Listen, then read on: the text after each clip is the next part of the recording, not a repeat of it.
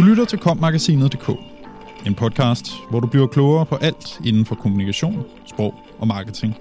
Mit navn er Ask Lermand. Kommunikation er altafgørende, hvis du skal have større diversitet på de danske universiteter. Vi har talt med Alex Klinge fra CBS for at få et indblik i, hvad det kræver på kommunikationsfronten at trække gamle vaner og kønsmønstre i en ny retning. Diversitet opstår ikke af sig selv. Ligesom i mange virksomheder og organisationer, arbejder universiteterne for en mere ligelig fordeling af køn, etnicitet, religion osv. Og ligesom mange andre steder, kræver det en massiv kommunikationsindsats, når vaner skal ændres. På CBS er det lektor Alex Klinge, der er ansvarlig for ligestilling og diversitet.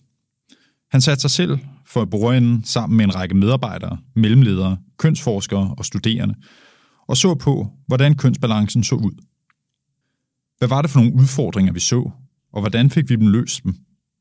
Hvad er det for tiltag, der er mest effektive, når det handler om at nedbryde eller gå udenom de barriere, der er? Det tog vi ind i et katalog over mulige tiltag, som vi afleverede til vores ledelse, der lavede en prioritering, forklarer Alex Klinge på CBS i København. Det har ført til et større fokus på at arbejde med lederne, der i højere grad skal kunne se motivationen til at arbejde med diversitet. Og så er der udviklet en række værktøjer, der kan bruges inden for forskning, administration og studieledelse. På medarbejderniveau handler det meget om at fokusere anderledes. Udover uddannelse af lederne, så skal man se på, hvilke forventninger der er i det akademiske hierarki.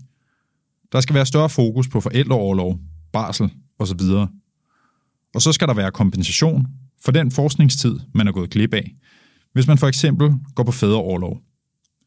Det skal kommunikeres i langt højere grad, fordi det betyder meget i 2022, at arbejde og familieliv hænger sammen, forklarer Alex Klinge. Der skal mere til end jakkesæt. Det at skabe diversitet i medarbejderstaben er én ting. Noget andet er at skabe et mangfoldigt studiemiljø. På CBS har vi samlet set et godt optag, med stort set 49-51 procentmæssig fordeling samlet set over mange år. Men når man kigger internt på porteføljen af uddannelser, så er der nogle skævheder. På nogle studier er fordelingen 70-30, eller måske endnu mere ensidig. Der skal balancen være bedre. Her kigger vi på vores optag, hvor vi skal samarbejde med gymnasiesektoren for at se på, hvordan vi påvirker studievalget så tidligt som muligt. Og så kan vi arbejde med de studiemiljøer, de kommer ind i, siger Alex Klinge. Men der er stor forskel på, hvilke ting, der skal kommunikeres alt efter, om du skal lokke flere mænd til at søge ind på de kvindedominerede studier, eller om målet er at få flere kvinder til at læse eksempelvis datalogi eller nogle af de finansielle uddannelser.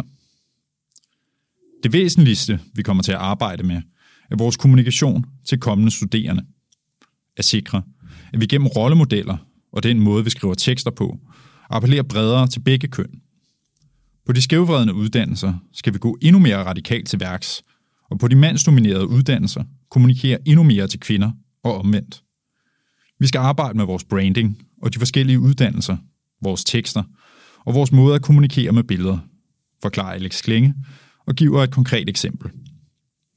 For nogle år siden havde vi åbent hus, og jeg gik en runde og så, at der ved en af finansieringsuddannelserne stod to unge mænd med jakkesæt og slips. Det er klart, at der var ikke mange unge kvinder, der stoppede op lige der. På den måde er det også vigtigt, at vi i vores kommunikation arbejder med rollemodellerne. Og så skal vi i højere grad ud på gymnasierne og fortælle om uddannelserne og de bredere anvendelsesmuligheder. Vi ved fra IT-universitetet, at da de stoppede med kun at tale om kodning og alt det tekniske, og fortalte om, hvad det rent faktisk bliver brugt til, og kan blive brugt til i et samfundsmæssigt perspektiv, så skete der noget.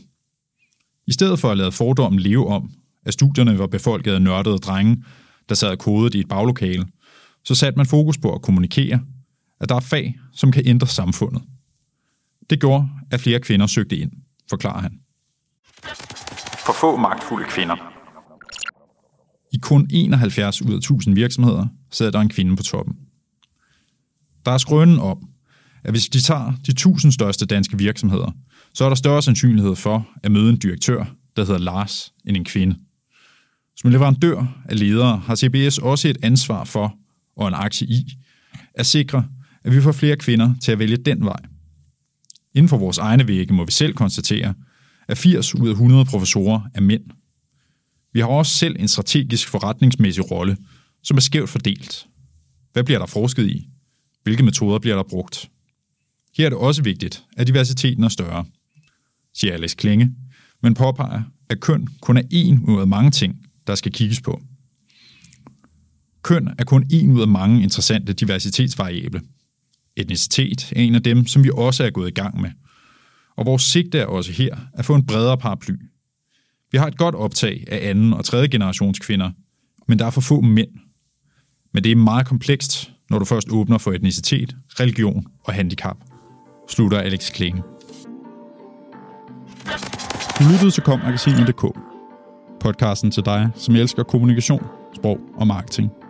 Subscribe, del og lyt med i næste uge. Podcasten er en sag af Anne Nim og Ask Lermand, produceret af Mark Justusen Pedersen og udgivet af Kommunikation og Sprog.